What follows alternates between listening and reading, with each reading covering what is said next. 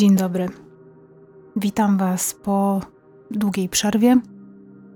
Dziękuję Wam, że czekaliście, że pytaliście się, że martwiliście się, czy znaczy za to nie dziękuję, ponieważ nigdy nie chciałam, żebyście się musieli martwić.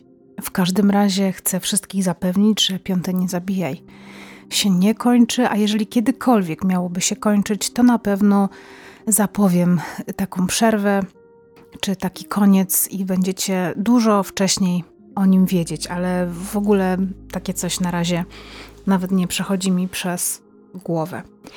Postanowiłam, że pierwszym odcinkiem w roku 2024 będzie odcinek podsumowujący poprzedni rok kryminalnie. Czyli powiemy sobie o bardzo głośnych zbrodniach w Polsce, o głośnych sprawach kryminalnych, ale też o zaginięciach, które wstrząsnęły nami i które pewnie towarzyszą nam, jeśli nie każdego dnia, to na pewno gdzieś tam raz na jakiś czas nam się przypominają. Chciałam też zwrócić Waszą uwagę na numer telefonu 8080, na którym możecie wysyłać bezpłatnie SMS-y. Jest to numer, który zajmuje się cyberprzestępczością. Jeżeli przyjdzie do Was kiedykolwiek jakiś SMS podejrzany, informujący Was o paczce z paczkomatu, która na Was czeka, ale musicie dopłacić tam dosłownie parę dziesiąt groszy blikiem do tej paczki i to wygląda Wam na skam albo próba y, jakiegoś wyłudzenia danych do logowania do danego banku, w którym rzekomo jesteście. Każdą taką y, wiadomość przesyłajcie dalej na numer 8080, podając y, nadawcę z jakiego numeru tu przychodzi. To jest numer czynny, e, znaczy nie jest czynny całą dobę, nie można na niego zadzwonić, ale pod tym numerem czekają specjaliści właśnie e, od cyberbezpieczeństwa, którzy zajmują się właśnie takimi przestępstwami, takimi oszustwami próbami wyłudzeń waszych danych. Dowiedziałam się o tym numerze dosłownie kilkadziesiąt godzin temu, więc pomyślałam, że bardzo mało osób o nim wie, ja o nim w ogóle nie wiedziałam więc tylko tak go tutaj wrzucam. Jest bardzo proste, 80-80, a możemy poprawić swoje bezpieczeństwo e, w sieci, e, nawet nie tylko w sieci, ale po prostu nasze bezpieczeństwo mm, ogólnie. Zaczniemy od sprawy z marca. Styczeń i luty, przynajmniej w moim odczuciu, nie były jakimiś miesiącami, które obfitowały w takie wydarzenia kryminalne, które mogłyby się znaleźć w tym podsumowaniu roku ale zaginięcie Michała Delewskiego, 22-latka e, wówczas w Warszawie, jest jednym z tych zaginięć, które nie potrafi wyjść z głowy. Michał Delewski w dniu, kiedy zaginął, miał 21 lat. Dzisiaj jest o rok starszy.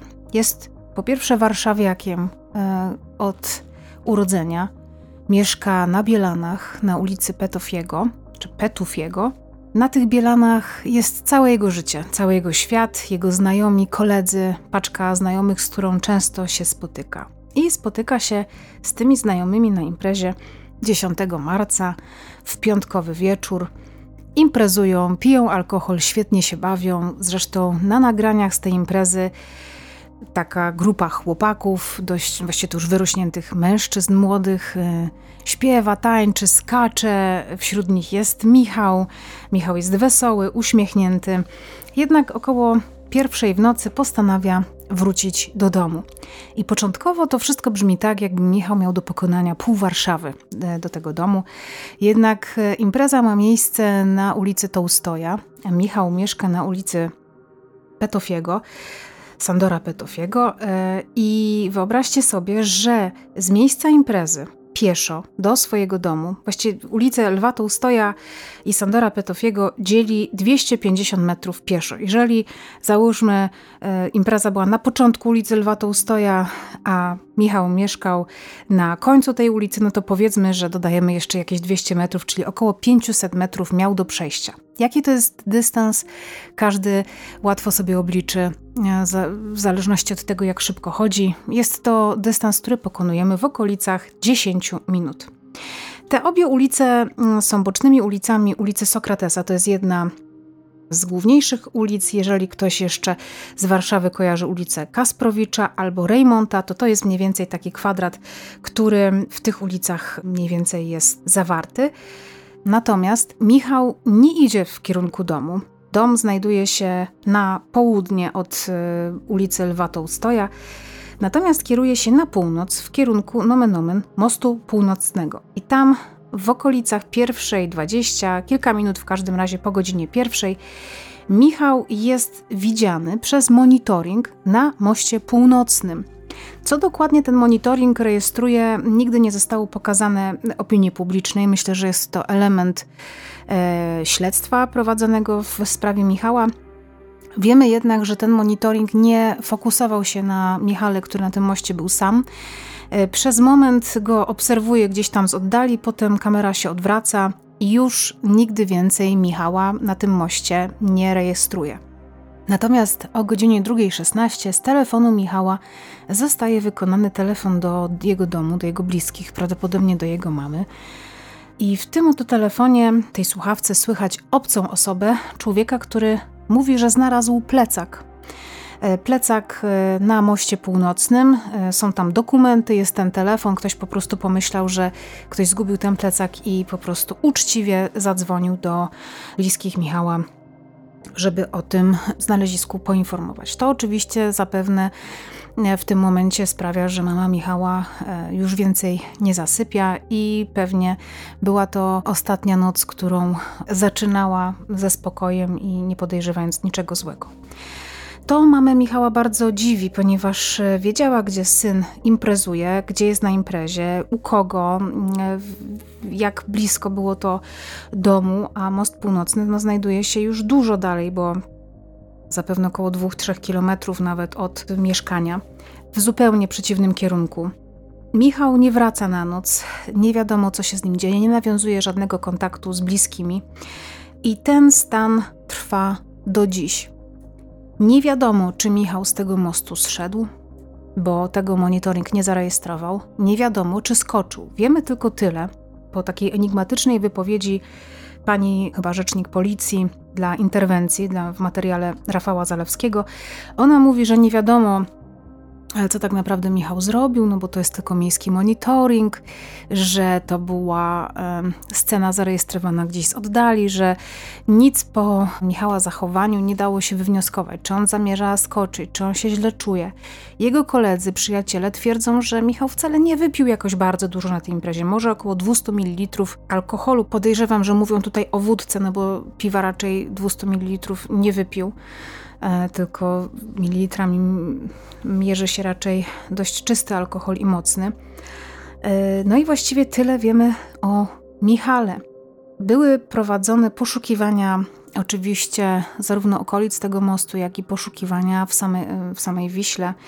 E, było ich wiele, tym bardziej, że latem, czy wczesną wiosną, potem późniejszą wiosną i latem, poziom Wisły znacznie się obniża w wyniku upałów i takie ciało powinno było już wypłynąć. Podobną zresztą e, sytuację odnotujemy dwa miesiące później, kiedy zaginie Krzysztof Dymiński, mm, inny mm, młody człowiek. Zresztą oba zaginięcia, zarówno Michała, jak i Krzysztofa, są do siebie bardzo podobne, bardzo zbliżone. Mm, oba dotyczą warszawskich mostów, co prawda innych, ale też całkiem niedaleko położonych, bo jeden łączy Żoliborz z Pragą Północ, drugi tutaj e, jest na Bielanach, czyli też blisko Żoliborza. No i w przypadku obu młodych mężczyzn nie wiadomo, co się dalej stało, natomiast rodziny zarówno Michała, jak i Krzysztofa e, działają już w tym momencie wspólnie, zrzucają się na wspólne poszukiwania, natomiast bezskuteczne są te poszukiwania dotychczas.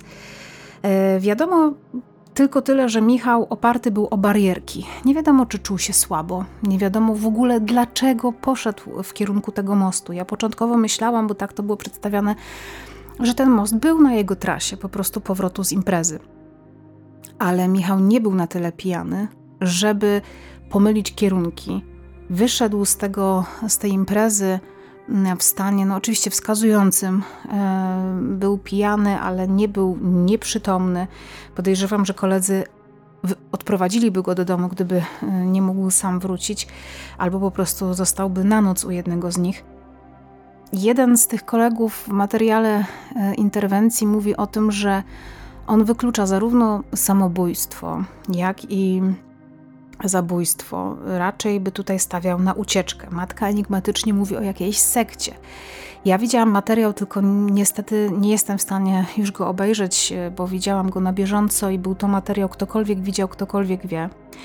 Swoją drogą e, ten rok obfituje w bardzo przykre informacje, mianowicie zdjęcie z anteny, zarówno 997, jak i ktokolwiek widział, ktokolwiek wie, ale ktokolwiek widział, ktokolwiek wie, z niewiadomych i niezrozumiałych dla mnie przyczyn na VOD zawsze mm, można było obejrzeć tylko sześć ostatnich odcinków, co w tego typu programie uważam za karygodne wręcz i absurdalne i, i wręcz głupie bo co jak wcale akurat ten program powinien mieć odcinki archiwalne do obejrzenia w każdym momencie. Mm, ze względu na e, swój charakter. I właśnie tam słyszałam e, w tym programie o tym, że Michał mógł cierpieć na jakieś zaburzenia psychiczne lub na chorobę taką, jaką jest depresja po prostu. Natomiast e, kiedy wpisuję sobie Michał Delewski depresja, nic takiego mi nie wyskakuje, więc niestety pamiętam to tylko, że usłyszałam taki, taką rzecz w tym programie z ust kogoś, kto o Michale opowiadał, e, więc zaznaczam, że nie jest to sprawdzona informacja, potwierdzona informacja.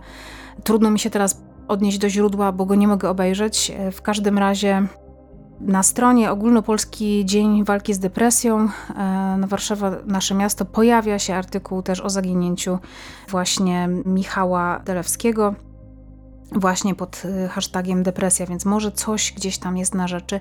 Może Michał był załamany, może miał jakieś problemy, ale o nich też nic nie wiadomo, nic nie wiemy, nikt nas nie na ten temat nie informuje. Jest to bardzo trudna sprawa, w której y, pytań jest stokroć więcej niż odpowiedzi.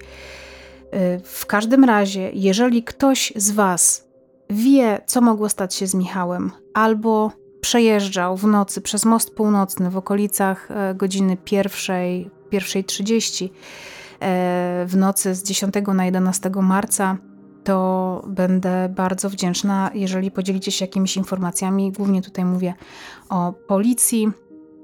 Według Super Expressu e, na monitoringu, na nagraniu z monitoringu, gdzie widać Michała, na moście są również inne osoby, więc są potencjalni świadkowie, którzy mogliby coś na ten temat wiedzieć, więc do tych świadków się odnosimy w szczególności, a ja się odnoszę w szczególności. Michał ma około 180 cm wzrostu, ma postawną budowę ciała, ma nadwagę, e, krótkie włosy koloru ciemnego blondu, niebieskie oczy.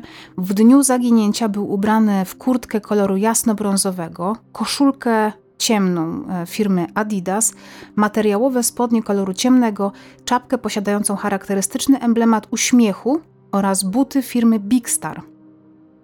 Sprawę tę prowadzi oczywiście policja. Mm, można zadzwonić po prostu na numer alarmowy albo do, mm, zaraz Wam powiem, do Komendy Rejonowej Policji Warszawa 5, bo to ta komenda prowadzi e, sprawę Michała. Zdjęcie Michała oczywiście możecie obejrzeć teraz tutaj.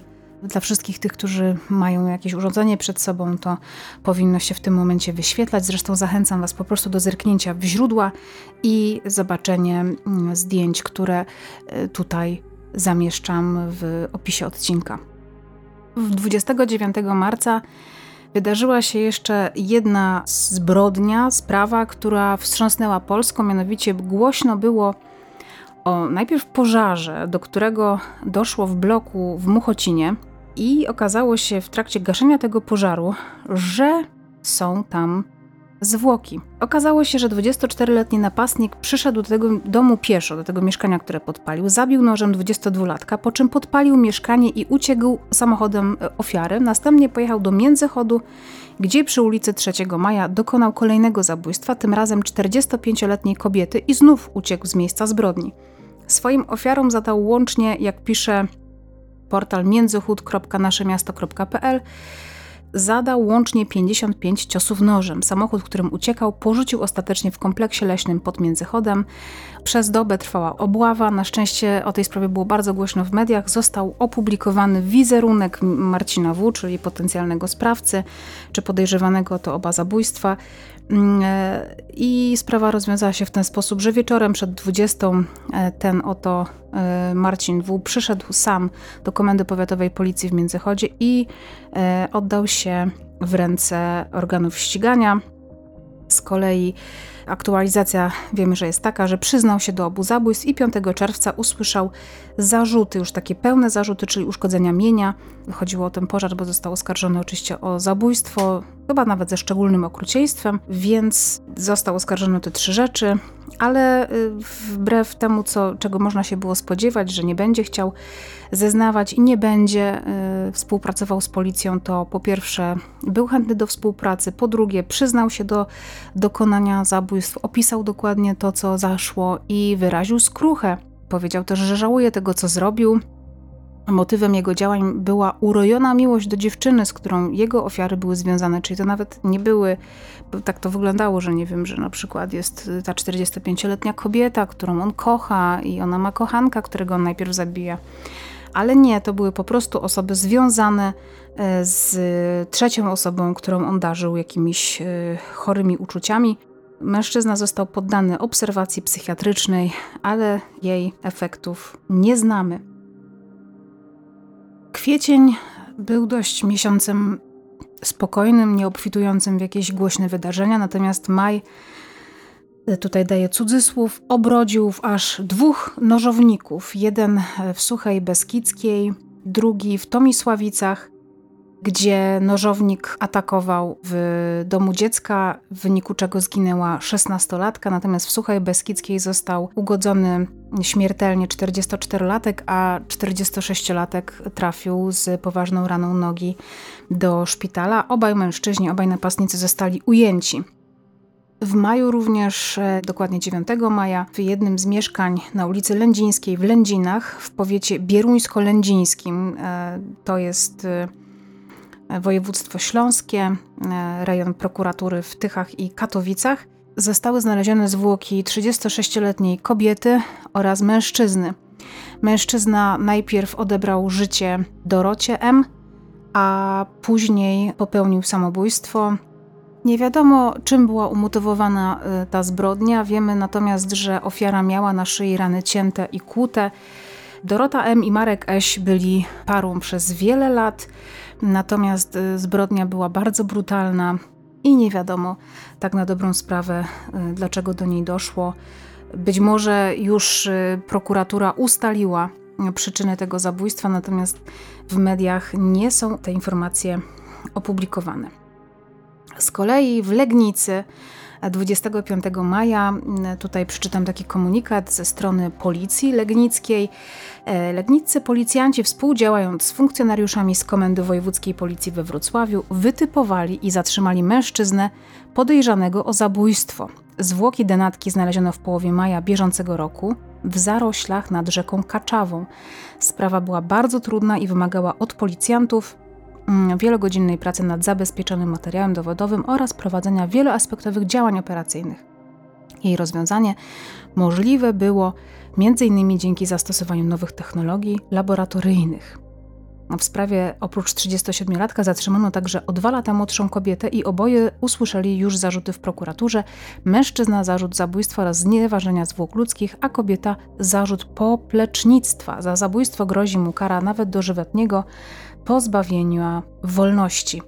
Zanim przejdę do według mnie najważniejszej sprawy Maja, o której już trochę tutaj powiedziałam wcześniej, czyli zaginięcie Krzysztofa Dymińskiego, to opowiem o sprawie, myślę, że która zbulwersowała całą Polskę, e, ponieważ to właśnie w maju miało miejsce absurdalne, e, takie nawet tragikomiczne, czy tragikomiczne z tej perspektywy, którą mamy dzisiaj, i bo jednak sprawa dotyczy też dzieci, i tego, jak zostali tragicznie potraktowani przez swoich rodziców, ale podejście tych rodziców i, i to, to, jak się zachowali, było po prostu zakrawające na jakiś upiorny żart.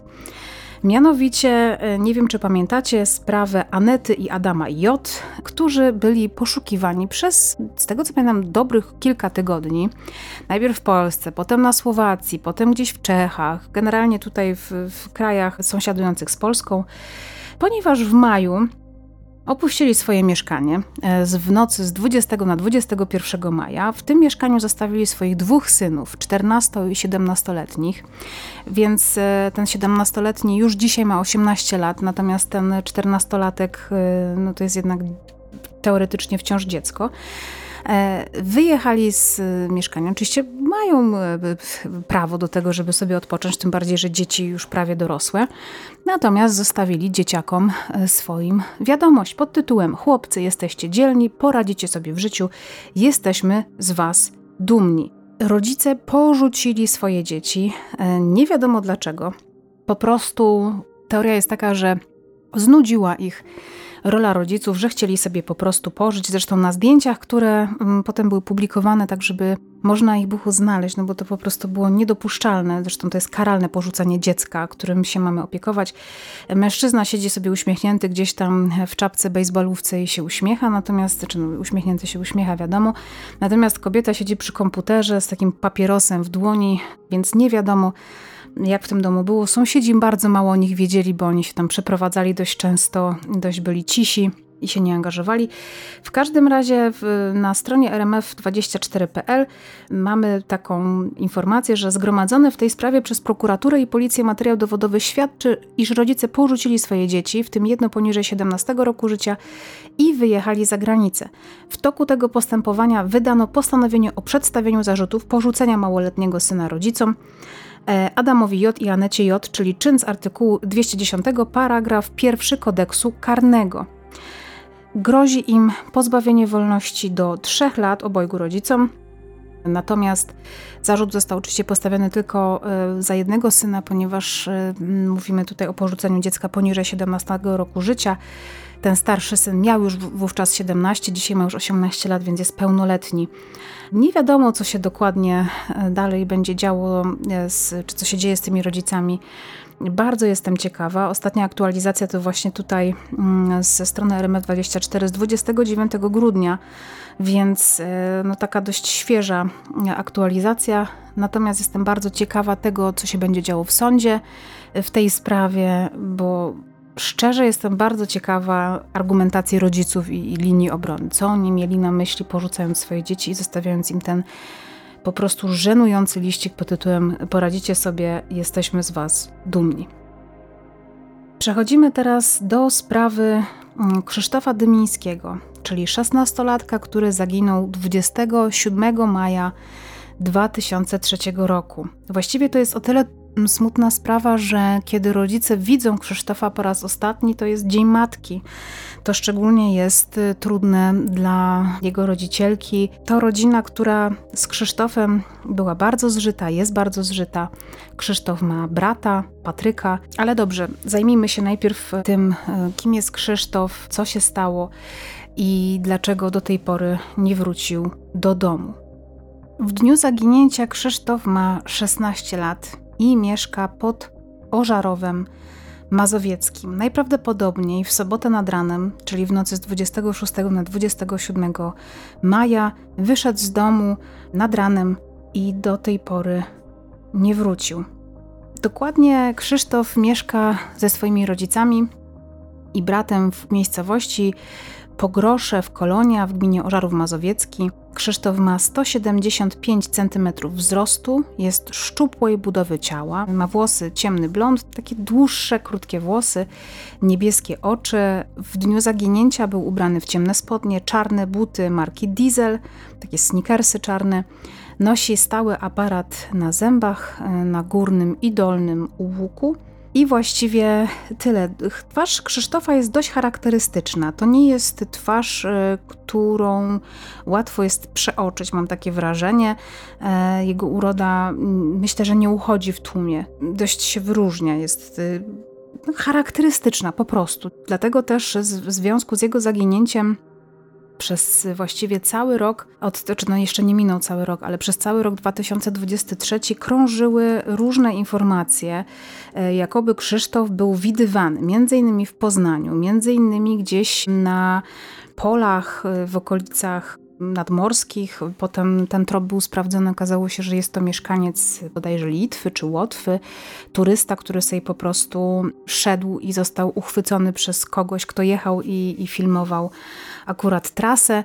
Co więcej, ten trop był na tyle obiecujący, że mama Krzysztofa była absolutnie przekonana, że na tym filmie jest jej syn.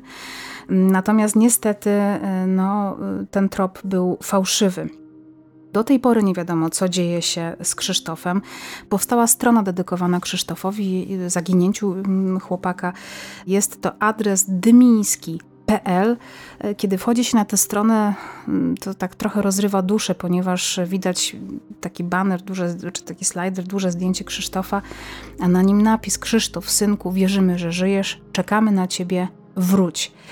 Jakie są więc aktualności na styczeń 2024 roku? Ostatnia aktualizacja jest 23 grudnia, gdzie e, w Onecie rodzice mówią o tym, że liczą na to, że zdarzy się świąteczny cud, że chcą właściwie na ten moment tylko wiedzieć, że ich syn żyje, jeżeli żyje, żeby po prostu dał znać. Można to oczywiście zrobić i to tak mówię dla wszystkich osób, które kiedykolwiek zerwały albo chciały zerwać kontakt z rodziną, można dać znać rodzinie, mm, a właściwie to nawet nie rodzinie bezpośrednio, a policji, mówiąc o tym, że jest się tu i tu, albo że po prostu się żyje, potwierdzić w jakiś sposób swoją tożsamość, ale zaznaczyć, że nie chce się utrzymywać kontaktu, że prosi się o nieprzekazywanie żadnych szczegółów, tym bardziej e, jeśli Krzysztof ma już te 17 lat i może w jakiś sposób o sobie stanowić, e, czy dalej uciekać, co pewnie jest bardzo trudne.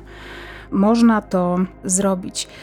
Natomiast mama Krzysztofa twierdzi, że razem z tatą, że coraz częściej, takie cytat, coraz częściej myślę, że jakby Krzysiek teraz zadzwonił i powiedział: Mamo, kocham cię, ale nie chcę wrócić, ja bym mu odpowiedziała: Dziecko, nie wracaj. Najważniejsze, że żyjesz. Chcę tylko wiedzieć, że żyję, mówi Agnieszka Dymińska.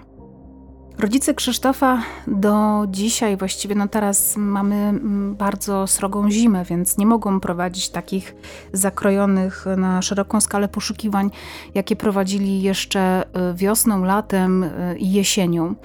Ponieważ y, to, co już powiedziałam przy sprawie Michała Delewskiego, szczególnie tutaj mowa o ojcu Krzysztofa, który zaangażował do poszukiwań właściwie wszystkie możliwe kontakty, znajomości, swoje jakieś tam wpływy, które miał e, i prowadzi poszukiwania Krzysztofa na własną rękę na szeroką skalę. Wiem, że był helikopter, wiem, że był dron, kamery termowizyjne, e, nie wiem czy sonar, ale podejrzewam, że również. Natomiast co tydzień wypływała, kiedy było to możliwe, łódka która sprawdzała Wisłę. No bo już teraz tutaj mówię, co się dzieje, a nie powiedziałam, jak wyglądały ostatnie chwile e, Krzysztofa, o których wiemy. Więc wróćmy na moment do tego 27 maja, co dzieje się z Krzysztofem.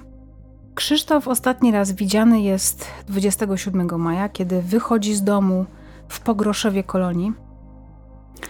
Zresztą jego mama e, dość późno orientuje się, że Krzysztofa nie ma w domu, bo on wypuszcza psy ze swojego domu, bo nie mieszkają w domu jednorodzinnym.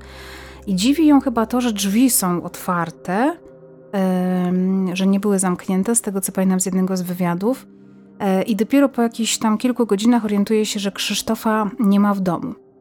Ustalono, że Krzysztof wsiadł w autobus linii 713 w kierunku Warszawy. W Warszawie widziano go, w każdym razie udokumentowano jego obecność w takich miejscach jak Rondo Daszyńskiego, Następnie w rejonie Dworca Gdańskiego, to już jest tutaj właśnie mamy Żoliborz mniej więcej.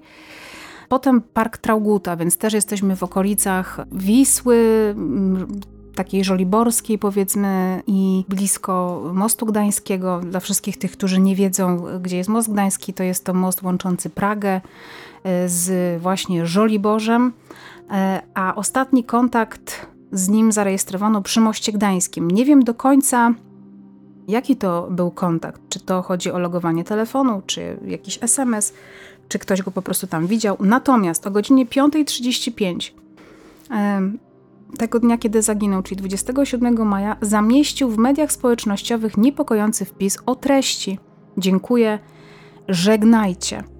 I to jest niestety w tej sprawie najbardziej niepokojące, że wszystko świadczy o tym, jakoby, mm, znaczy o tym, że to zaginięcie nie jest przypadkowe, że to nie jest wypadek.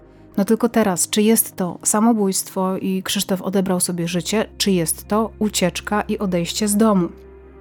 Od tego czasu, od 27 maja, e, cała Polska właściwie żyje tym zaginięciem. E, ja się od nim dowiedziałam Oczywiście gdzieś tam z jakichś komunikatów w grupie Piąte Nie Zabijaj, ale zaczęło się tym zaginięciem interesować w ogóle osoby, których bym w życiu nie podejrzewała. Na przykład Michał Witkowski, pisarz, który analizował tę sprawę na bieżąco, mówiąc, że no, wyklucza na pewno to i tamto, ponieważ jest to dla niego niebywałe. Ja z kolei mam trochę inne doświadczenia, ale rozumiem, że, że ludzie żyją takimi sprawami, chcą po prostu wiedzieć, co się dzieje.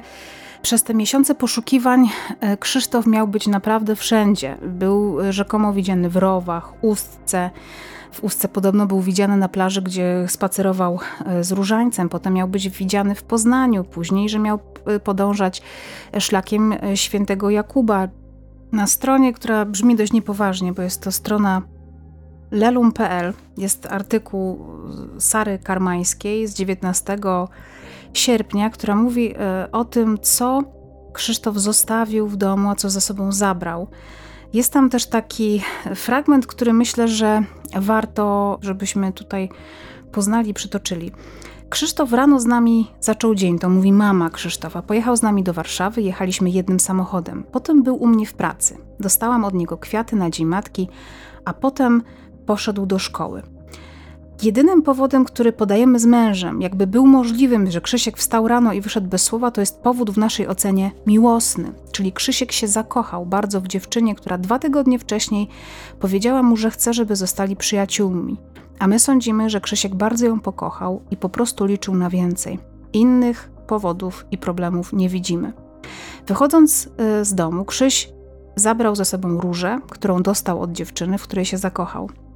Widać, że dla niego był to bardzo ważny przedmiot. Wziął telefon, słuchawki, portfel i tak naprawdę ubrał się, jakby wyszedł do sklepu. Założył buty, bluzę, spodnie i po prostu wyszedł.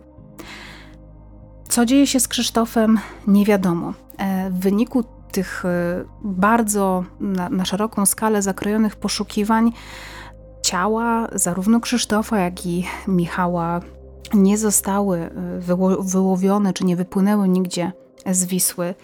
Jest to y, informacja, która powinna rodzicom jednak przynieść jakąś ulgę. Zresztą w tym materiale o zaginionym Mateuszu y, Rafał Zalewski pyta matki Mateusza o to, czy nie lepiej, żeby po prostu cieszyć się no, takie pytanie zadał, czy nie lepiej trzymać się tego, że te zwłoki nie zostały znalezione i trzymać się tej nadziei, że oni jednak żyją. Jednak matka tutaj mówi, że naprawdę Najgorsza jest niewiedza, że ona po prostu chce wiedzieć, co się stało, i myślę, że tego samego chcą rodzice Krzysztofa. No, chłopcy zaginęli w bardzo podobny do siebie sposób. No, tylko tutaj w przypadku Krzysztofa nie wchodzi w grę alkohol, ale jednak rozczarowanie miłosne. Jednak e, u Michała również gra tutaj najprawdopodobniej jakąś rolę aspekt psychologiczny, chociaż e, no, nie wiemy tak naprawdę w jakim on był stanie. I, i jednak tutaj ten monitoring łapie go, kiedy on stoi przy barierce mostu. No, mógł skoczyć, nie musiał. Zdążyłby z tego mostu zejść, ale co się stało, no naprawdę nie wiadomo. Jeżeli oczywiście ktoś z Was wie, co się dzieje z Krzysztofem e, Dymińskim, proszony jest o pilny kontakt pod numerem alarmowym 112 albo za pośrednictwem e, oczywiście Wydziału Poszukiwań i Identyfikacji Osób Komendy Stołecznej Policji w Warszawie na ulicy Nowolipie 2 i pod numerami telefonów e, 47 72 369 88 lub 4772 37657. Wiem, że to jest dość skomplikowane, więc może po prostu 112 wystarczy. Przejrzyjcie sobie też galerię zdjęć Krzysztofa, jest ich mnóstwo. Zachęcam Was przede wszystkim do tego, żeby odwiedzić stronę dymiński.pl, która jest e, aktualizowana e, na bieżąco. Są tam właściwie wszystkie informacje na ten temat, które rodzice udostępniają i które właściwie gromadzą w tym jednym miejscu. Historia potworna, bardzo trudna do ogarnięcia, do zrozumienia. Najgorsza jest niepewność. Zresztą jeszcze na stronie, tak już całkiem tytułem końca e, tej sprawy, to rodzice mówią mm, o tym, że musimy brać pod uwagę najgorsze. Nie ma co się oszukiwać, przyznaje mama chłopca, która stara się nie tracić nadziei. Służby sprawdzają akwen wodny Wisły, ale też poszukują w drugim obszarze, czyli normalnie zaginięcia. To jest też dla nas bardzo istotne, żeby zaapelować o poszukiwanie Krzysia, dodaje Daniel Dymiński. Nastolatek wychodząc z domu wziął jedynie portfel z kartą powerbanka, telefon oraz plastikową różę, która była związana z dziewczyną. Jego ślad urwał się na moście gdańskim. Nie ma dowodu, że skoczył, ale też, że zszedł z mostu. Ten powerbank też jest dość znaczący. Nie wiem w jakim stanie był telefon Krzysztofa, natomiast jeżeli planował mm, takie szybkie pożegnanie się z życiem, no to nie wiem, czy mm, zakładał tutaj doładowywanie telefonu, chociaż no nie wiem. To jest jakaś tam moja luźna hipoteza, że może jednak planował coś dłuższego, tym bardziej, że po tej Warszawie troszkę się kręcił. Więc jeszcze raz apeluję w swoim imieniu, imieniu oczywiście przede wszystkim rodziców Krzysztofa o udzielenie jakichkolwiek informacji, tym bardziej, że był to maj, raczej środek dnia i Krzysztof mógł być widziany przez naprawdę setki, o ile nie tysiące osób. Mam wrażenie, że od lipca zaczyna robić się w Polsce bardzo poważnie, ponieważ w lipcu, jak gdyby nigdy nic, w centrum Poznania na ulicy Święty Marcin ma miejsce na oczach tysiące, czy może nie tysiące, ale setek ludzi, gości restauracji, przechodniów, ma miejsce egzekucja, no, o jakiej możemy sobie tylko, nie wiem, poczytać w książkach kryminalnych, czy w ogóle zobaczyć w jakichś filmach e, kryminalnych, ponieważ dochodzi do bardzo brutalnego zabójstwa, samobójstwa, które jest jeszcze zresztą utrwalone e, telefonami, czy jest utrwalone po prostu na filmach ludzi, którzy są w szoku w tej sytuacji. Mamy Konrada D., który jest 30-letnim pracownikiem Filharmonii Łódzkiej, który no, mieszka w Łodzi, przyjeżdża do Poznania w niedzielę 16 lipca. Jest z narzeczoną, z którą idzie sobie, e, nie wiem, czy mieszka w tym hotelu przy ulicy Święty Marcin, czy, czy po prostu idą tam do restauracji siadają sobie tam, spokojnie sobie jedzą, czy piją, czy rozmawiają. W pewnym momencie podchodzi mężczyzna, który celuje do tego Konrada z pistoletu. Dziewczyna jest e, totalnie zaskoczona, zaczyna e, błagać, prosić o to, żeby przestał, żeby, żeby schował tę broń. Natomiast Mikołaj B. jest niewzruszony, w końcu strzela do mężczyzny. Ten pada oczywiście na ziemię, zaczyna go ratować narzeczona, po czym e, na ten widok e, napastnik sam sobie strzela chyba w głowę, upada na ziemię i umiera na miejscu. Do zaręczyn Konrada i jego narzeczonej dochodzi kilka dni wcześniej, według tekstu Piotra Żytnickiego dla poznańskiej wyborczej. Mm, e, dziewięć dni wcześniej zamieszcza na Instagramie informację o zaręczynach. Jest tam kobieca dłoń z pierścionkiem. E, Konrad dołącza tam opis najpiękniejsze tak w moim życiu. Profil nie był zamknięty, każdy go mógł e, śledzić, więc śledził go również Mikołaj B. Mikołaj B Myślę, że nie trudno się domyślić, był byłym partnerem kobiety, z którą rozstania nie zniósł dobrze. Ta historia myślę, że mogłaby się nie wydarzyć. E, nie chcę absolutnie tutaj teraz e, żeby wydźwięk tej historii był taki, że obwiniam w jakikolwiek sposób ofiarę. Absolutnie nie, ale myślę, że jest to historia, która może nas uczyć, dlaczego nie warto publikować rzeczy na bieżąco w czasie rzeczywistym mm, na temat tego, gdzie jesteśmy, co teraz robimy, z kim robimy ponieważ ostatnia relacja na profilu instagramowym Konrada pojawia się y, dosłownie kilkadziesiąt minut, nie wiem, czy 40, około chyba 40 minut przed śmiercią. Y, Konrad publikuje właśnie relacje dokładnie z tej restauracji, w której siedzi, w której zginie, ze swoją dziewczyną narzeczoną. Pije drinka, y, to kawiarnia Ptasie Radio w centrum Poznania. E, do tego wszystkiego chyba ją nawet oznacza, także nie trzeba było się domyślać, gdzie on siedzi, czy jakoś go obserwować, czy nie wiem, dochodzić po szczegółach, które pewnie zajmują dużo czasu, żeby do nich dojść i to miejsce ustalić. Więc właściwie osoba, która by chciała mm, tego Konrada spotkać, no to wystarczyłoby wsiąść w samochód i po 10 minutach być na miejscu. I tak się niestety dzieje. Dlatego Mikołaj B., który jest opętany absolutną zazdrością, e, niepogodzony z rozstaniem i niepogodzony absolutnie z tym, że jego partnerka ruszyła do przodu ze swoim życiem. Podchodzi do Konrada, strzela do niego dwa razy, a potem strzela raz w swoją głowę. Dzieje się to na oczach, tak jak powiedziałam, kobiety, dzieje się to na oczach gości restauracyjnych, przechodniów, y, uczestników całego ruchu ulicznego dookoła, bo jest to taka no, dość reprezentacyjna ulica Poznania. Dzieje się to wszystko przy hotelu NH Poznań. Znam to miejsce, bo dokładnie spałam w Poznaniu kilka razy i to właściwie zawsze u jednej znajomej, a potem spałam w tym dokładnie hotelu. Więc no, było to bardzo takie wstrząsające doświadczenie, że w miejscu, w którym bywałam, czy tam, nie wiem, no może byłam, czy uczestniczyłam i tak dalej, dzieje się coś takiego, że może, możemy zostać świadkami takiej osoby. Jak y, on trafił do tej restauracji przed hotelem NH? No w taki sposób, że y, po relacji, którą wrzucił Konrad gdzieś tam się pojawił w okolicach tej kawiarni Ptasie Radio.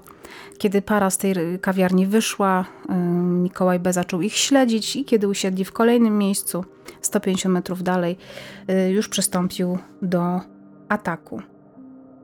Teraz wyobraźcie sobie jeszcze, tutaj w Gazecie Wyborczej jest taki ciekawy fragment, który mówi o tym, w jak dużym takim stadium, nie wiem, urojenia, czy w ogóle jakiejś obsesji y, tkwiłby. Ja początkowo myślałam, że jest to jakaś bardzo świeża sprawa, no bo jasne, można być ze sobą w związku, można ze sobą być, potem się rozstać i ktoś faktycznie bardzo szybko przechodzi do kolejnej relacji.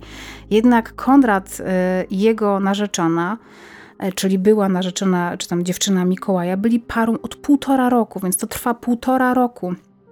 Co więcej, Mikołaj B. w momencie zabójstwa i samobójstwa miał 31 lat i był prawnikiem, który pracował w Urzędzie Wojewódzkim w Poznaniu. E, był miłośnikiem broni, miał dostęp do broni, więc nie powinno nas dziwić, że jeśli kandydował kiedykolwiek do partii i do Sejmu, a kandydował, to robił to z poznańskiej listy partii Korwin to jest też mój stosunek w ogóle do posiadania broni jest jak najbardziej do, do powszechnego dostępu do broni jest jak najbardziej negatywny, bo właśnie tam, gdzie nie ma broni, to nie ma też zabójstw związanych e, z bronią. Natomiast no tutaj widzimy, że, że jeżeli ktoś może mieć broń, to może ją wykorzystać w bardzo negatywnym e, celu. Co więcej, w marcu 2002 roku, czyli mniej więcej e, półtora roku przed tym wydarzeniem, no ponad rok przed tym wydarzeniem, E, kobieta, której dane są absolutnie tutaj utajnione w tej sprawie i chwała Bogu, bo, bo pewnie ta sprawa musiała nią bardzo wstrząsnąć. Zresztą wyobraźcie sobie poczucie winy, jakie zupełnie niesłusznie, ale można mieć w takiej sytuacji. Kontaktowała się z policją i e, mówiła, że jest przerażona, ponieważ jej były chłopak chce sobie coś zrobić, jest uzbrojony że jest e, absolutnie nieobliczalny. Tym bardziej, że e, w 2018 roku mężczyzna ten uzyskał pozwolenie na posiadanie 15 sztuk broni do celów sportowych i kolekcjonerskich. E, po tym sygnale kobiety policja przyjechała, zabrała Mikołaja B do szpitala psychiatrycznego, jednak z tego szpitala po obserwacji wyszedł po kilku dniach. Policja zabrała mu broń, cofnęła pozwolenie, jednak on się odwołał. E, a lekarze z zakładu medycyny pracy uznali, że nie ma przeciwwskazań, by nadal posiadał broń, więc policja przywróciła mu pozwolenie. To jest kosmos. Jak niewiele brakowało, jak ta kobieta się w ogóle rozsądnie zachowała, jak fajnie, jak dobrze zareagowała policja, że mu od razu tę broń skonfiskowała, że go wysłała na obserwację psychiatryczną, że to pozwolenie zostało mu cofnięte. Potem jest jakiś lekarz medycyny pracy. No, tragedia, po prostu tragedia. Potem, gdy toczy się postępowanie, to wszystko tutaj e, opowiadam e, tak, jak jest opisane w wyborczej.pl, poznańwyborcza.pl, tekst e, Piotra Żytnickiego. Gdy toczyło się postępowanie w sprawie cofnięcia tego pozwolenia, to policjanci rozmawiali właśnie z kobietą, o której tutaj mowa. Ta kobieta miała wówczas nie mówić, że się obawia tego byłego partnera. No może się już go nie obawiała, skoro wiedziała, że została mu odebrana y, licencja na posiadanie broni i że była jakaś reakcja, może on się trochę uspokoił.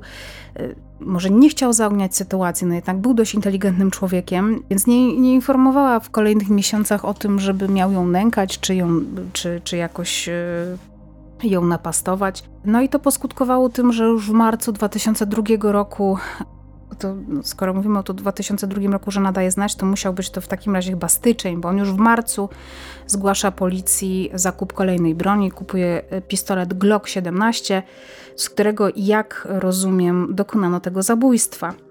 Według śledczych powodem oczywiście była zazdrość i obsesja. Na śledztwo oczywiście zostaje umorzone ze względu, znaczy zostało umorzone ze względu na śmierć sprawcy, no i jakby oczywiście automatyczne przyznanie się, czy przyznanie się, co, do czego on się przyznaje. No. Wszystko widać. Jeden z policjantów, to jest bardzo e, taka znamienna wypowiedź, e, pojawia się właśnie tutaj w Wyborczej, powiedział e, autorowi tekstu, to może zabrzmieć kontrowersyjnie, ale dobrze się stało, że odebrał sobie życie przed naszym przyjazdem. W magazynku mógł mieć jeszcze kilkanaście pocisków. Nie trudno sobie wyobrazić, co mogłoby się wydarzyć. Strzelanie na w środku miasta, może wzięcie zakładnika, może ucieczka i obława, bo nie ma pewności, czy by się poddał. Uważam, że jednym z absolutnych e, cudów w tej sytuacji jest to, że on nie zabił jeszcze tej kobiety, na której skupiła się tutaj cała uwaga, i to właściwie ona jest tym takim osobą łączącą e, napastnika z ofiarą. Ona była, nie chcę mówić powodem tej zbrodni, bo absolutnie powodem tej zbrodni jest e, jakieś zaburzenia i problem po stronie sprawcy, ale to właśnie z jej względu mm, sprawca miał motyw. Mam nadzieję, że ta historia powie nam trochę więcej, albo inaczej, będzie jakimś takim punktem wyjścia do dyskusji o powszechnym dostępie do broni, której właśnie Mikołaj B sprawca tej straszliwej zbrodni, był ogromnym zwolennikiem. Był zwolennikiem szerokiego dostępu do broni palnej. Mm, sam spełniał wymogi. E, jeszcze nawet, nawet w momencie, w którym e, została mu słusznie odebrana ta koncesja, czy tam licencja na posiadanie broni, to w bardzo łatwy sposób, bardzo szybko ją odzyskał. Nie wiem, czy on też odzyskał dostęp do tych 15 sztuk broni, którą posiadał przed odebraniem mu tych uprawnień. Natomiast jeżeli odzyskał, to już potem w chwili popełnienia tego zabójstwa miał aż 16 sztuk broni. No, Prawda jest taka, że zachował się niezwykle brutalnie, bo on działał z ogromną premedytacją, tym bardziej, że y, on nie strzelił do swojej ofiary raz, tylko jeszcze gdy już y, Konrad D. leżał na ziemi, to, to Mikołaj go jeszcze dobijał, więc było to mm, okropne. Chcę przeczytać fragment tutaj jeszcze, e, który uważam za ważną część apelu, pod którym chcę się podpisać, czyli to, że według danych z końca 2020 roku w Polsce wydanych jest 286 tysięcy pozwoleń na broń, najwięcej do celów łowieckich i sportowych, tylko jedna dziesiąta pozwoleń dotyczy ochrony osobistej, czyli to mówimy wówczas, gdy e, wnioskodawca czuje się zagrożony. Tylko w ciągu roku liczba pozwoleń wzrosła o 37 tysięcy. Specjaliści tłumaczą to większym zainteresowaniem strzelectwem spowodowanym przez wojnę w Ukrainie. Pod koniec 2022 roku w Polsce było 760 tysięcy sztuk legalnej broni, ponad 100 tysięcy więcej niż rok wcześniej. Jestem absolutnie przeciwna powszechnemu dostępowi do broni. Ja wiem, że wiele osób uważa, że każdy ma prawo się bronić. Prawda jest taka, że do przestępstw z udziałem broni dochodzi właśnie tam, gdzie ten dostęp do broni jest powszechny albo jest dużo łatwiejszy, dużo bardziej wypromowany czy propagowany. Jeśli nie ma broni, to nie ma przestępstw związanych z bronią, a broń jest bardzo łatwym i y, skutecznym narzędziem do zadawania y, niezwykłych ran, no ale też, czy niezwykłych ran, bardzo dotkliwych ran i też niestety e, w bardzo wielu przypadkach e, do odbierania życia, więc absolutnie jestem przeciwna. Tym bardziej, że przy zdobywaniu takiego pozwolenia na broń nie uczy się zasad samoobrony. Użycie broni jest absolutnie ostatecznością. E, a jak widzimy w takich sytuacjach, to nie jest ostateczność, tylko może ona posłużyć komuś jako narzędzie do ataku. Przechodząc do września. We wrześniu na kryminalnej mapie Polski pojawia się mała miejscowość o nazwie Czerniki. Jest to miejscowość, która pewnie większości z nas na zawsze będzie kojarzyła się z hasłem ciała dzieci w piwnicy. Bowiem to w jednym z domów w tej małej miejscowości odkryto ciała trzech noworodków. Jednak nie to jest chyba najbardziej upiorne w tej historii ponieważ okazało się, że te dzieci są owocami, chociaż to jest takie nieadekwatne słowo w, tej, w tym kontekście, te dzieci przyszły na świat jako efekt kazirodczego związku, czy nie, nie, kazirodczego związku, tylko kazirodczych gwałtów, których dokonywał 54-letni Piotr G. na swoich córkach, które potem zachodziły w ciążę i były namawiane do potem zabójstw noworodków. Ta sprawa e, oczywiście e, rozeszła się bardzo szerokim echem. Nie wiadomo, co działo się dalej po aresztowaniu zarówno Piotra G., jak i jednej z jego córek, która była matką tych dzieci. Tam akurat zamordowanych postawiono obojgu zarzut oczywiście zabójstwa, ale e, Piotrowi G. też zarzut kazirodztwa. Natomiast nie wiemy, bo sprawa na razie się toczy za zamkniętymi drzwiami. Śledztwo oczywiście trwa czy kobieta dalej będzie pociągnięta do odpowiedzialności, czy, nie wiem, była ofiarą, która była zmuszana do tych zabójstw. Jak w ogóle dowiedziano się o tej e, makabrycznej sytuacji? Została poinformowana o dziwnych rzeczach, które dzieją się w tym domu, po prostu pomoc społeczna. Po prostu e, ludzie byli zaniepokojeni tym, że Paulina G., e, czyli córka Piotra G., była kilka razy w ciąży, jednak nie było tam, nie wiem czy ta kobieta jeszcze miała jakieś żyjące dzieci. W każdym razie nie zgadzała się ilość ciąż do potem liczby dzieci, która e, była w tym domu. Więc w połowie września policjanci pojechali, jak podaje wprost, do jednego z domów, a w tym domu ujawnili zwłoki trzech noworodków, które znajdowały się pod podłogą. Jeden z nich zakopany został pod kuchnią w ziemi. Zarówno matka dzieci, jak i ojciec kobiety zostali aresztowani, Mężczyźnie, jak ustalił dziennik, postawiono zarzut zabójstwa trójki noworodków, natomiast młodej kobiecie zabójstwa dwójki dzieci. Rozumiem, że jej dzieci. Redakcja Super Expressu wyjaśnia, że jeszcze ich nie pochowano, bo gdańska prokuratura, e, mówimy tutaj o październiku, czeka na wyniki badań DNA. Poinformowała o tym prokurator Grażyna Wawryniuk, rzecznik prasowy prokuratury okręgowej. Być może wyniki dostarczą dowodu na to, że zatrzymani to rodzice noworodków. Natomiast w połowie października fakt informował, że zarówno mężczyzna, jak i młoda kobieta usłyszeli zarzut kazirodztwa, co przekazał redakcji prokurator Mariusz Duszyński,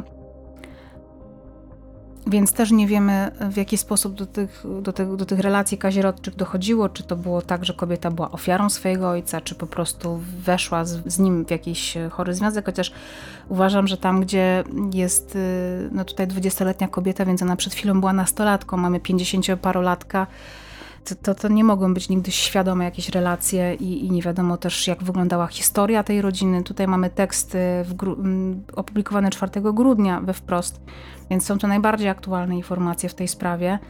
E, podejrzewam, że ze względu na naturę, jakiej ta zbrodnia, właśnie te zbrodnie dotyczą, sprawa nie będzie jakoś głębiej opisywana w trakcie śledztwa. Zobaczymy, co dalej, natomiast jest to jedna chyba z makabryczniejszych e, zbrodni w tym roku i byłabym właściwie e, tego pewna, gdyby nie wydarzył się jeszcze wypadek na A1, chociaż to jest wypadek niby, ale no, moim zdaniem to jest po prostu zabójstwo yy, dokonane oczywiście pewnie nieumyślnie, ale jednak dokonane przez brawurę, nieodpowiedzialność i, i przekraczanie wszelkich przepisów drogowych i prawa po prostu.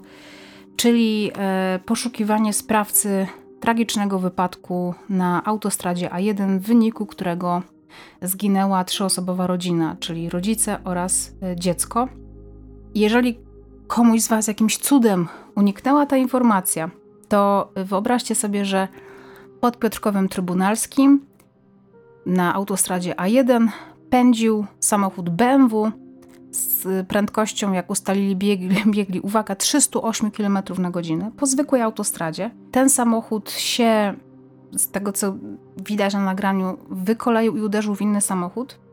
Natomiast ten samochód, sprawca tego BMW po prostu zatrzymał się dużo dalej i potem sprawca zbiegł z miejsca wypadku i nie został nigdy zatrzymany, nawet nie był poszukiwany. Ja się śmieję, bo to jest po prostu, czy śmieje się, to nie jest śmiech, to jest, to jest żałosne dopiero media zaczęły nagłaśniać tę sprawę, że bardzo możliwe, że ten samochód, który zatrzymał się kilkaset metrów dalej i był rozwalony również, to BMW, najprawdopodobniej jest przyczyną tego, że kilkaset metrów wcześniej płonie samochód, w którym zginęła rodzina, czyli yy, rodzice z pięcioletnim dzieckiem. E, I dopiero nagłośnienie medialne tej sprawy doprowadziło do tego, że zostały wszczęte poszukiwania na szeroką skalę Sebastiana M., który został w końcu mm, złapany w Dubaju i złożono wniosek o jego ekstradycję. Natomiast bardzo głośną e, sprawą i najbardziej bulwersującą w tej historii, oczywiście poza tą śmiercią i tym, w jaki sposób ten człowiek jeździł samochodem, to to, że był w jakiś sposób związany z policją, i najprawdopodobniej to właśnie dzięki tym koneksjom udało mu się przez spokojnie kilka tygodni unikać zarówno podejrzeń, jak i oczywiście przesłuchań i tak co umożliwiło mu dokładne zaplanowanie i przeprowadzenie ucieczki i gdyby nie to, że ta sprawa się stała tak medialna, a byliśmy przed wyborami, więc tutaj Ministerstwo Sprawiedliwości bardzo e, starało się tego człowieka po prostu złapać i doprowadzić przed wymiar sprawiedliwości. No i to się właściwie prawie udało, bo z tą ekstradycją były ogromne problemy. W październiku pełnomocnik Sebastiana M. wystąpił o list żelazny dla swojego klienta, który przebywał w Dubaju. I teraz wytłumaczmy może, czym jest list żelazny. List żelazny to dokument uregulowany w artykule 281 Kodeksu Postępowania Karnego, który chroni przed tymczasowym aresztowaniem. Osoby, której wydano taki list, nie można nie tylko tymczasowo aresztować, ale również pozbawić wolności w żadnej innej formie, przykład zatrzymać celem przymusowego doprowadzenia do prokuratury. Do tego list żelazny gwarantuje tej konkretnej osobie pozostawanie na wolności w związku z postępowaniem, w którym wydano ten dokument, przy czym podejrzany lub oskarżony musi złożyć oświadczenie, że stawi się do sądu lub do prokuratora w oznaczonym terminie, a o wydaniu tego listu decyduje sąd. Co chcę powiedzieć y, na ten temat, to tylko to, że mamy 8 stycznia, do wypadku doszło w, we wrześniu, a Sebastian M. spędził sobie święta w Dubaju ze swoją rodziną i na razie nie spotkały go absolutnie żadne konsekwencje, e, bo nawet z tego co rozumiem, to on nie może być poddany aresztowi domowemu. Jedni, jedne tam źródła twierdzą, że on jest poddany aresztowi domowemu, no ale rozumiem, że nie może być poddany ograniczeniu wolności w żadnym wymiarze. Ach, Szkoda gadać. On zresztą w ogóle dostał, wyobraźcie sobie, ten list żelazny w dość ekspresowym tempie bo zazwyczaj procedura otrzymania takiego listu żelaznego trwa około 3-4 miesięcy, a on już na tym liście przebywa właściwie od samego początku. Więc nie dziwią mnie tutaj absolutnie te spekulacje na temat koneksji podejrzanego o y, to dokonanie czy spowodowanie tego wypadku człowieka. Jakby tego było mało i tych tragedii związanych z dziećmi było mało, to w październiku Polską wstrząsnęła prawdopodobnie uruchomiła lęki w każdym rodzicu, czy w każdej cioci, wujku, kimkolwiek to ma jakąś wrażliwość i wyobraźnię, że to może dotyczyć dzieci, które y, są w jego życiu. Y, mianowicie znowu mówimy tutaj o Poznaniu. Tragiczny w ogóle rok dla Poznania moim zdaniem gdzie 17 października podczas spaceru przedszkolaków, y, zwykłego spaceru ja w ogóle o tej sprawie nie mogę za bardzo gadać, bo nie jestem w stanie absolutnie tego wytrzymać. Więc e, był spacer przedszkolaków. E, w pewnej chwili na końcu tego takiego wężyka mm, dzieci e, pojawił się mężczyzna, który zrobił jakiś gwałtowny ruch ręką. W tej ręce miał nóż, uderzył chłopca i ten chłopiec upadł na ziemię. Natomiast mężczyzna zaczął się śmiać. Po tym jak go zaatakował, e, śmiał się, że i tak mi nic nie zrobicie, natomiast na szczęście sprawca został bardzo szybko pojmany przez pracownika firmy Remondis. E, to jest firma, która zajmuje się wywozem śmieci. W pobliżu była też policjantka, która zaczęła negocjować e, z tym 71-latkiem, który w jakiś dziwny sposób się zachował. Śmiał się, coś mówił o Putinie. Mówił, że temu dziecku nic nie jest, podczas gdy chłopiec leżał y, na podłodze, czy na ziemi z nieruchomą twarzą. Wokół były płaczące dzieci, przerażona y, przedszkolanka. Wezwano oczywiście na miejsce pogotowie od razu. Reanimacja chłopca trwała ponad godzinę. No, niestety nie przyniosła rezultatu. Chłopiec zmarł. Miał 5 lat. Natomiast ten człowiek kilka godzin wcześniej miał zachowywać się w jakiś y, dziwny sposób na Onecie. E, jest taka wzmianka, że ludzie, którzy go widzieli tego samego dnia, mówił, że kiedy go obserwowali, to nie wyglądał na osobę zrównoważoną, wyglądał jak człowiek z marginesu społecznego. Rano tu chodził, coś mówił do siebie, był ubrany w dziwną kurtkę. Wyglądał jakby uciekł z domu. Mieszkam w tej okolicy, a wydaje mi się, że widziałam go wcześniej raz w życiu, jakieś dwa lata temu. Gdyby mnie zaatakował, broniłabym się laską, ale kto wie, co by było. Zbysława C., bo tak nazywa się oprawca, zabójca chłopca, e, kojarzy również Martyna, młoda mieszkanka Łazarza i jej koleżanka pracująca w okolicznej Żabce. Opowiadają, że 71-latek nie stronił od alkoholu, czasem pił raczej w samotności na pobliskim skwerku. Czasami próbował wejść do opuszczonego budynku, który stoi niedaleko, ale był przeganiany przez innych meneli. On tu się kręcił od rana. Podszedł do koleżanki, która paliła papierosa pod żabką, awanturował się, że ma nie palić, bo papierosy zabijają. Stwierdził, że on ją zabije. Następnie odszedł, sprół się jeszcze, tak mówi ta kobieta, do dozorcy, a po kilku minutach zaatakował przedszkolaków. Policja później podała, że 71-latek miał przy sobie dwa noże. Po zatrzymaniu trafił na badania lekarskie, miał obrażenia głowy, być może miał je wcześniej, być może powstały w trakcie dynamicznego zatrzymania, bo policjantka z nim rozmawiała, a w tym czasie pan z Remondisu po prostu kopnął go od tyłu, w ten sposób powalił mężczyznę na ziemię mm, i można go było e, zatrzymać. Tekstem, którym się tutaj posiłkuję, jest tekst Łukasza Cieśli dla portalu wiadomości.onet.pl. Podaję go tutaj w źródłach. Jeżeli pozwolicie, to przejdę do innej sprawy. Bo to jest, y, no to jest historia, która w tym roku, czy w poprzednim roku chyba najbardziej rozwaliła mi głowę. Natomiast dzień później dowiedzieliśmy się o historii, właściwie to o finale poszukiwań zaginionej 26-latki pochodzącej z Krakowa, której ciało niestety zostało znalezione, mm, której ciało, no, czyli wiadomo, że, że mm, już nie mówimy o żywej osobie, zostało znalezione w Warszawie w jednym z hoteli przez obsługę tego hotelu. Jak podaje radio dla ciebie.pl, ciało zostało znalezione przez obsługę w hotelu w jednym z pokoi. Było to ciało właśnie zaginionej 26-latki, która swoją drogą była mężatką i zaginięcie zgłosił jej mąż. Według nieoficjalnych na tamten moment informacji wynikało, że kobieta padła ofiarą uduszenia, gwałtownego uduszenia, Ustalono też w wyniku sekcji zwłok, y, że do zgonu przyczyniły się osoby trzecie, niemniej z uwagi na to, że postępowanie trwa, trwają czynności procesowe, a także ustalenie sprawcy bądź sprawców zdarzenia. Szczegółów na temat wyników sekcji zwłok na ten moment przekazać Państwu nie mogę, mówił rzecznik w okolicach 23 października y, Warszawskiej Prokuratury Okręgowej Szymon Banna. Jak podaje Super Express, Izabela, e, zaginiona, a później e, zamordowana, e, była księgową, która przed sobą miała jeszcze całe życie. 13 października miała po pracy pojechać w odwiedziny do swoich rodziców mieszkających w Tomicach w powiecie wadowickim. Miała do przejechania jedynie 50 km. Jak już dzisiaj wiemy, nigdy nie pokonała tej trasy. Kobieta rozpłynęła się w powietrzu. Ostatni raz Kontakt z 26-latką bliscy nawiązali poprzez aplikację Messenger w poniedziałek 16 października około 17.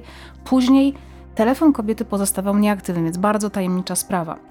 Zaniepokojony nagłym zniknięciem Izy mąż, z którym kobieta wzięła ślub niespełna półtora roku wcześniej, zgłosił jej zaginięcie na policji. Rozpoczęły się poszukiwania, które dotyczyły osoby, której zaginięcie nie jest związane z bezpośrednim oraz uzasadnionym zagrożeniem dla jej życia, zdrowia lub wolności. Czyli to było tak zwane zaginięcie chyba trzeciego stopnia, czyli takie powiedzmy, które będziemy traktować najmniej priorytetowo, ze względu na to, że według wszelkich tutaj ustaleń, no bo kobieta znika 13, ma jechać do swojej rodziny, z tą rodziną się nie kontaktuje, znaczy nie dociera tam na miejsce, nie pokazuje się nigdzie, nikt jej nie widzi, natomiast 16 nawiązuje ten kontakt z rodziną, więc wszyscy sobie pewnie założyli, że y, no, młoda dziewczyna po prostu, czy przepraszam, młoda dziewczyna, młoda kobieta być może postanowiła uciec i pożegnać się ze swoim dotychczasowym życiem.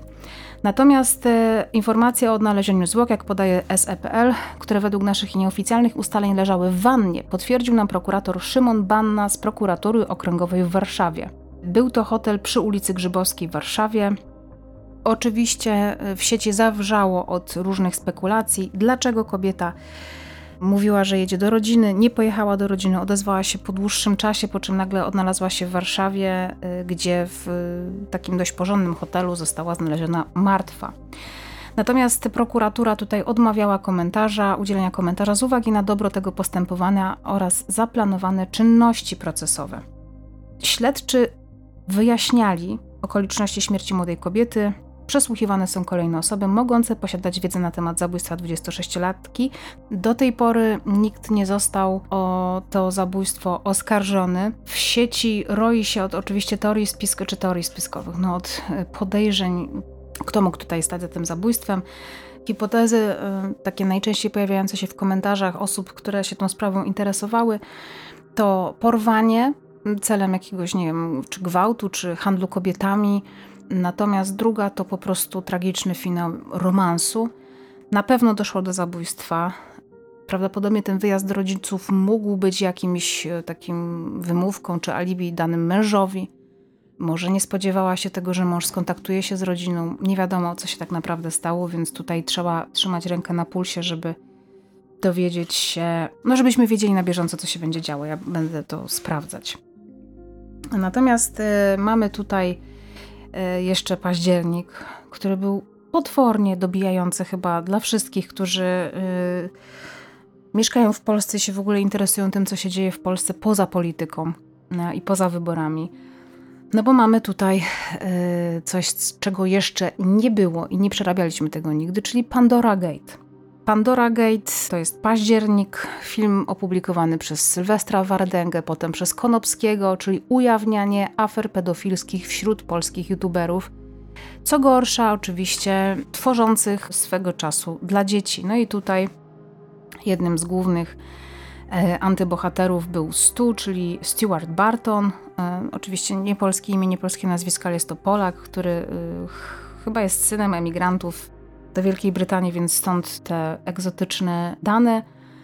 Y, zostały mu postawione zarzuty w sprawie no, czynów pedofilskich, ponieważ według materiału Konopskiego Stu regularnie miał zapraszać do swojego mieszkania dziewczynki, które nie miały nawet skończonych 15 lat. Miał też całować się z jedną z nastolatek, która miała wtedy zaledwie 13 lat.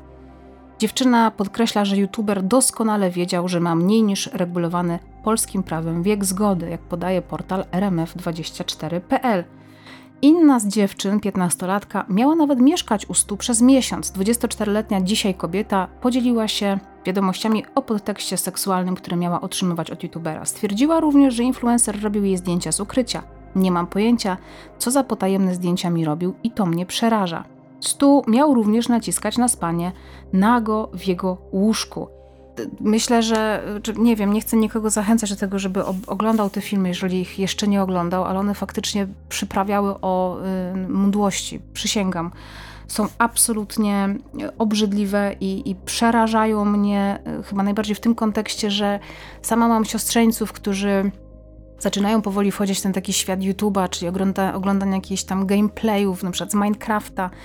I kiedy przeczytałam, że na przykład taki Stu też kiedyś robił gameplaye, to pomyślałam sobie, mój Boże, y, czy kim są ci ludzie, więc apeluję tutaj absolutnie do rodziców, do wszystkich tych, którzy mają młodsze rodzeństwo, którzy mają właśnie jakichś siostrzeńców, siostrzenice, bratanków, bratanki, żebyście zwrócili uwagę rodzicom tych dzieci, lub w ogóle, jeżeli jesteście rodzicami, to zwrócili uwagę na to, co wasze dzieci w sieci oglądają, sprawdzić na wylot tych youtuberów, influencerów, a najlepiej po prostu jednak, e, wiem, że to jest trudne w dzisiejszych czasach, bo się wszystko zmienia, cała rzeczywistość się zmieniła, więc trudno pewnie dzieci odciąć od takich głupotek jak Skibidi Bob, czy tam Skibidi Toilet i tak dalej, bo ja już też trochę w, w, w tym przesiąkłam, ale naprawdę nadzór rodzicielski to jest podstawa i nie dawajmy dzieciom tabletów, czy telefonów, czy laptopów. E, nie wysyłajmy do pokoju na, nie wiem, 40 minut, godzinę czy 3, żeby się sobą zajęły, bo naprawdę mogą trafić w miejsca, które są absolutnie mroczne. E, wiemy, że na YouTubie możemy znaleźć świnkę Pepe, ale możemy też znaleźć okropne, naprawdę półerotyczne, czy nawet półpornograficzne treści, e, które mogą dzieci bezpowrotnie skrzywdzić. Eksperci od mediów, w tym tekście właśnie rm24.pl, podkreślają, że Pandora Gate powinna zapalić czerwoną lampkę u wszystkich rodziców. Pod filmami Wardęgi oraz Konopskiego pojawiło się wiele komentarzy osób, które przyznały, że teraz baczniej będą przyglądać się, co robią ich dzieci w internecie. Warto nawet sprawdzać co kilka godzin, jakie treści oglądają dzieci w internecie. W Pandora Gate okazało się, że youtuberzy kontaktowali się z osobami poniżej 15 roku życia. Tam wiem, że nawet w grę gdzieś wchodziła 11-latka. To jest dziecko, Boże. Pamiętajmy, że mamy pato streamerów, to też jest to, że, że to nie tylko chodzi o pedofilię, ale właśnie o to, że dziecko może trafić na jakiegoś Daniela Magicala, na jakąś Elegawin, na, na, jakąś, na jakiś, tak jak ostatnio zostało skazanych, czy zatrzymanych, że nie skazanych, ale zatrzymanych dwóch, też y, tutaj jakiś, no nie wiem, nawet nie chcę, bo wiecie, że ja nigdy nie nazywam ludzi jakimiś okropnymi określeniami, ale naprawdę zwyrodnialców, którzy zrobili sobie jakąś imprezę, pato streaming, upili nastolatkę, którą następnie wykorzystali seksualnie i to wszystko było nagrane, więc też w tym wszystkim chwała, że to się w ogóle rozniosło e, w taki sposób, że dziewczyna miała jakiekolwiek dowody. Oni są obecnie zatrzymani na całe szczęście. To jest historia potworna, potworna. E, co więcej, sprawą zajęli się też aktywiści z grupy Anonymous, którzy pochwalili się w mediach społecznościowych, że dotarli do skrzynki mailowej 100 Natomiast żadne treści z niej nie zostały opublikowane, więc podejrzewam, że tutaj dojdzie do sytuacji, w której te maile, chociaż nie, no, nie mogą być dowodem w sądzie, jeżeli zostały pozyskane nielegalnie. No ale może będą jakimś, e, nie wiem. Wyobraźcie sobie, że yy, tutaj jeszcze warto sobie, tutaj mówimy o YouTubie, o tym, że trzeba monitorować to, co dzieci robią na YouTubie, ale y, pod to wszystko trzeba podciągnąć TikToka czy jakieś Reelsy, chociaż to myślę, że Mało, mało dzieciaków jest na Instagramie, z tego co pokazują takie globalne raporty, natomiast TikTok y, to są nie tylko mogą być chore treści, ale też dziwne wyzwania. Między innymi, jak podaje RMF24.pl, E, można dać tutaj przykład jedzenia suszonych muchomorów. Takie wyzwanie pojawiło się na TikToku. Było też wyzwanie przejścia 100 tysięcy kroków jednego dnia, co może być po prostu niebezpieczne. Ja pamiętam z kolei takie wyzwanie, które było chyba w zeszłym roku, czyli zaginięcie takie na 24 godziny, że po prostu nagle y, urywasz kontakt z rodziną i e, po prostu znikasz. Więc naprawdę świetne, tutaj daję totalny cudzysłów, wyzwania, myślę, że które właśnie legitymizowane przez jakichś tam twórców, które dzieciaki obserwują, mogą się wydawać e, dzieciakom po prostu zabawne, czy jakieś uzasadnione po prostu, że to jest prank. Moi 4-5-letni siostrzeńcy y, już funkcjonują i operują słowem prank i wie, wiedzą, co to jest prank i wiedzą, co to jest challenge. I to jest przerażające. Jeżeli kiedyś trafią na jakąś głupotę, o której nie powiedzą rodzicom, bo ktoś im powie, że trzeba nie, nie mówić o tym rodzicom, to może być naprawdę bardzo źle. I tutaj bardzo apeluję jeszcze raz o ten monitoring nad tym, co dzieci oglądają w sieci. W październiku jeszcze były takie historie jak odnalezienie zwłok w domu jednorodzinnym, zwłok dwóch osób, y, które najprawdopodobniej padły ofiarami zabójstwa oraz również w Poznaniu, naprawdę tragiczny czas dla Poznania, w którym to doszło do zabójstwa trzymiesięcznego dziecka, które padło ofiarą ciężkiego pobicia. 17 listopada mieliśmy natomiast bardzo, bardzo ciekawą historię, która dotyczy rozwiązania bardzo starej sprawy, czy bardzo starej, no, sprawy, która ma już 11 lat. E, myślę, że sporo z Was będzie tę sprawę kojarzyć. E, para Niemców, emerytów, e, która postanowiła sprzedać chyba swój majątek, kupić sobie kampera i rozpocząć w tym kamperze przygodę swojego życia, czyli wyruszyć w podróż po prostu po Europie, po, po całym świecie i tak dalej. Y, zaczęli od Polski, w której stracili życie w pobliżu ogródków działkowych przy ulicy Wolickiej w Warszawie, jak podaje TOK FM. Ich śmierć przypominała egzekucję. Za podwójne zabójstwo odpowie 67-latek, który w prokuraturze okręgowej usłyszał zarzuty. Małżeństwo Silke G i Petera H zostało zamordowane z broni palnej i policjanci Stołecznego Wydziału do Walki z Terrorem Kryminalnym i Zabójstw doprowadzili do prokuratury okręgowej w Warszawie, odbywającego karę w zakładzie karnym we Włodawie 67-latka, który jest podejrzany o to zabójstwo. Ten przełom w sprawie uruchomił również e, wiele pytań, które e, postawiono, dlaczego w tamtym czasie, kiedy doszło do zabójstwa, czyli w 2012 roku, nie udało się e, złapać sprawcy. Więc tutaj rzecznik prokuratury w Warszawie mówi o tym, że odludne miejsce, brak świadków zdarzenia uniemożliwił w tamtym czasie ustalenie tożsamości zabójcy, co doprowadziło do umorzenia postępowania w grudniu 2013 roku. Ten sam e, rzecznik prasowy podkreślił, że skrupulatne zabezpieczenie śladów i dowodów na miejscu zdarzenia przez funkcjonariuszy policji pracujących pod nadzorem prokuratora pozwoliło jednak po latach na ponowne przebadanie zabezpieczonych śladów po prostu. I w taki sposób e, materiał biologiczny, który zabezpieczono tam na miejscu, mm, przypasowano Zdzisławowi W., który był już e, wówczas osadzony w innej sprawie. No i dzięki temu mamy zarzut y, zabójstwa postawiony temu oto mężczyźnie. E, w listopadzie doszło również do zabójstwa w Gliwicach. Początkowo myślano, że jest to zabójstwo na tle kibicowskim, ponieważ, czy właśnie to kibolskim, ponieważ jako, że Gliwice i Zabrze są blisko siebie, a w Gliwicach jest y, drużyna Piasta Gliwice, która nie była jeszcze w Ekstraklasie do całkiem niedawna, przez dość długi czas, nie wiem czy dalej, czy teraz jest, czy nie jest, nawet tego nie będę sprawdzać. W każdym razie e, Gliwice były podzielone na pół generalnie. Połowa Gliwic powiedzmy była za Piastem, połowa za Górnikiem Zabrze i właśnie doszło do zabójstwa kibica jednej z tych drużyn przez kibica drugiego, drugiej z tych drużyn, natomiast e, okazało się, że ten motyw kibicowski jest zupełnie, czy kibolski jest zupełnie bezzasadny, po prostu doszło do brutalnego ataku na jednego z mężczyzn i Jeden w wyniku tego y, ataku nożem mężczyzna zmarł, został oczywiście tam schwytany. Więc y, tylko tak wspomnę o tej sprawie. I przechodzimy do grudnia, który kończy ten rok, czy już poprzedni rok i koniec roku, a jednak obfitował też w bardzo wiele e, głośnych spraw, więc zacznijmy od takiej chyba najbardziej medialnej, czyli e, były uczestnik hotelu Paradise e, został aresztowany i oskarżony, oczywiście to było podstawą tego aresztowania, o pobicie byłej partnerki i kradzież 14 tysięcy złotych. Mówimy tutaj o Łukaszu K., który był uczestnikiem e, pierwszej i drugiej edycji hotelu Paradise, albo tylko jednej z nich. W każdym razie był on już bardzo niepokojący, bo ja akurat oglądałam i pierwszą, i drugą edycję tego programu, później już zrezygnowałam. E, w każdym razie był dość mocno e, taki dziwny, taki napastliwy, taki agresywny, taki, taki nieobliczalny, więc potem dobrze się odnalazł w MMA. No w każdym razie y, w chwilach wolnych zajmował się nękaniem y, swojej byłej partnerki, y, wobec której w trakcie związku i po nim stosował również przemoc fizyczną. Została również zatrzymana i postawione zostały zarzuty kobiecie która doprowadziła do skatowania swojej 11-miesięcznej córki i pozwoliła też na katowanie tego dziecka swojemu konkubentowi. Z kolei z zestawu w łazienkach królewskich wyłowiono ciało. Nie wiadomo e, do kogo ono należy.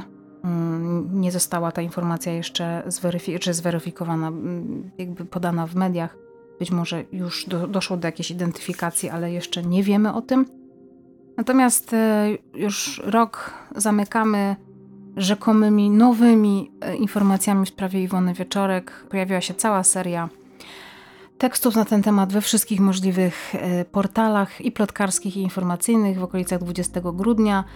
W sprawie tego, czym się właściwie poprzedni rok rozpoczął, czyli przeczesywaniem terenów wokół Zatoki Sztuki w Sopocie, czy przyniosły jakieś rezultaty. No więc i tak i nie. Przypomnę tylko, że w zeszłym roku Paweł K., jeden ze znajomych, który miał kontakt z Iwoną Wieczorek w dniu jej zaginięcia, usłyszał zarzuty utrudnienia postępowania karnego poprzez usuwanie dowodów, zacieranie śladów przestępstwa, a także podawania nieprawdziwych informacji. Natomiast spędził krótki czas w areszcie i wyszedł na wolność y, za poręczeniem majątkowym.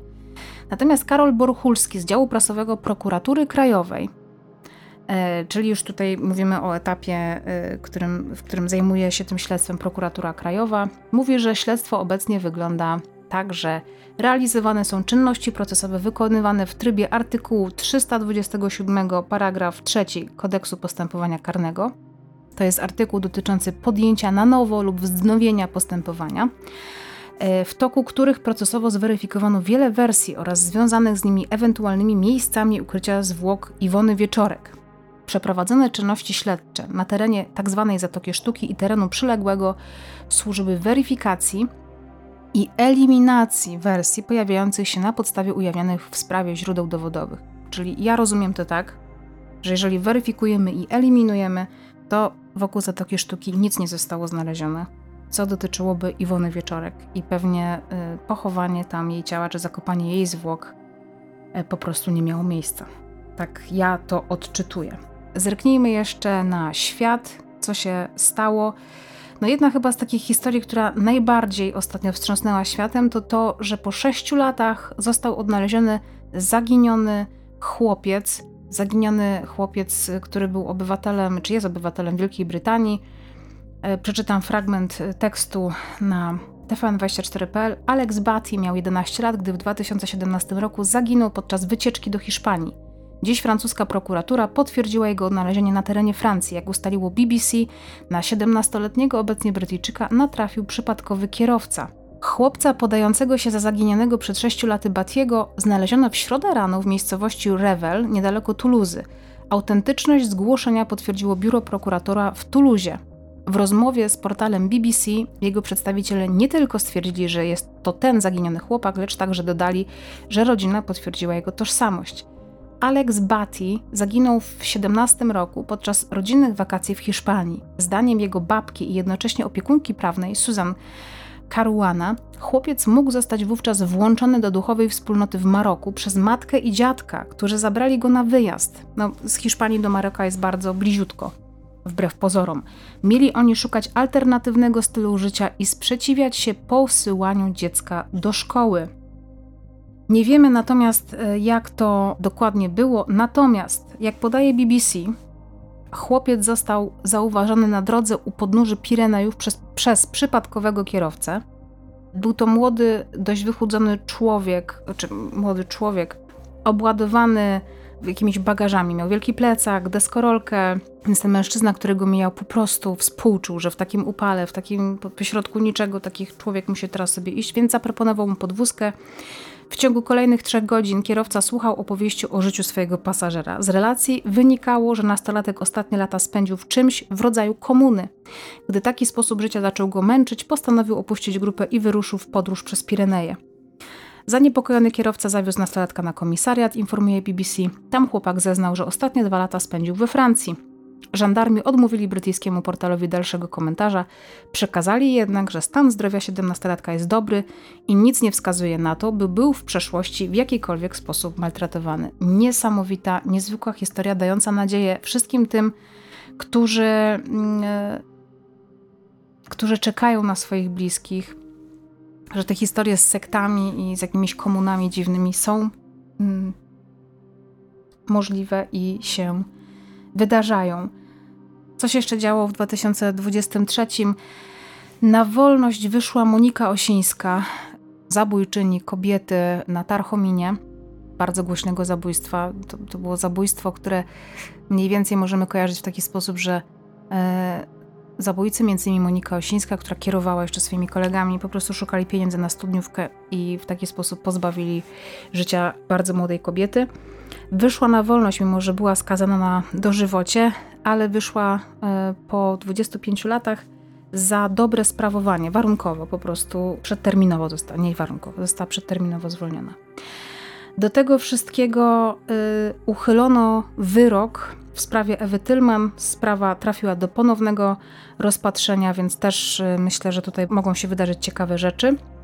Do tego wszystkiego w 2023 roku do grona tak zwanych dożywotek, tutaj e, w odniesieniu do e, Moniki Osińskiej, e, dołączyła kobieta Magdalena C., która zabiła bestialsko swoją córkę i została skazana na dożywocie z możliwością wyjścia przedterminowego, ale dopiero po 50 latach, więc raczej patrząc na to, że kobieta ma 26 lat, czy miała w momencie, w którym popełniła e, zbrodnię, z tego co rozumiem, za 50 lat będzie miała 76 lat, no to raczej e, już jest szansa, że tam umrze albo wyjdzie po prostu na taką późną starość z więzienia, więc właściwie dla mnie to jest dożywocie.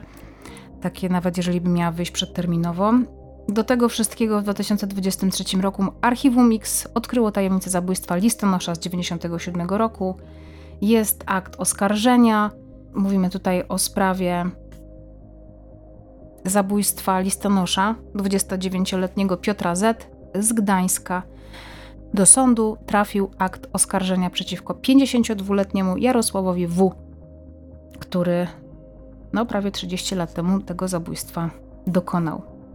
No i na sam koniec powiem o tym, co mnie bardzo y, cieszy.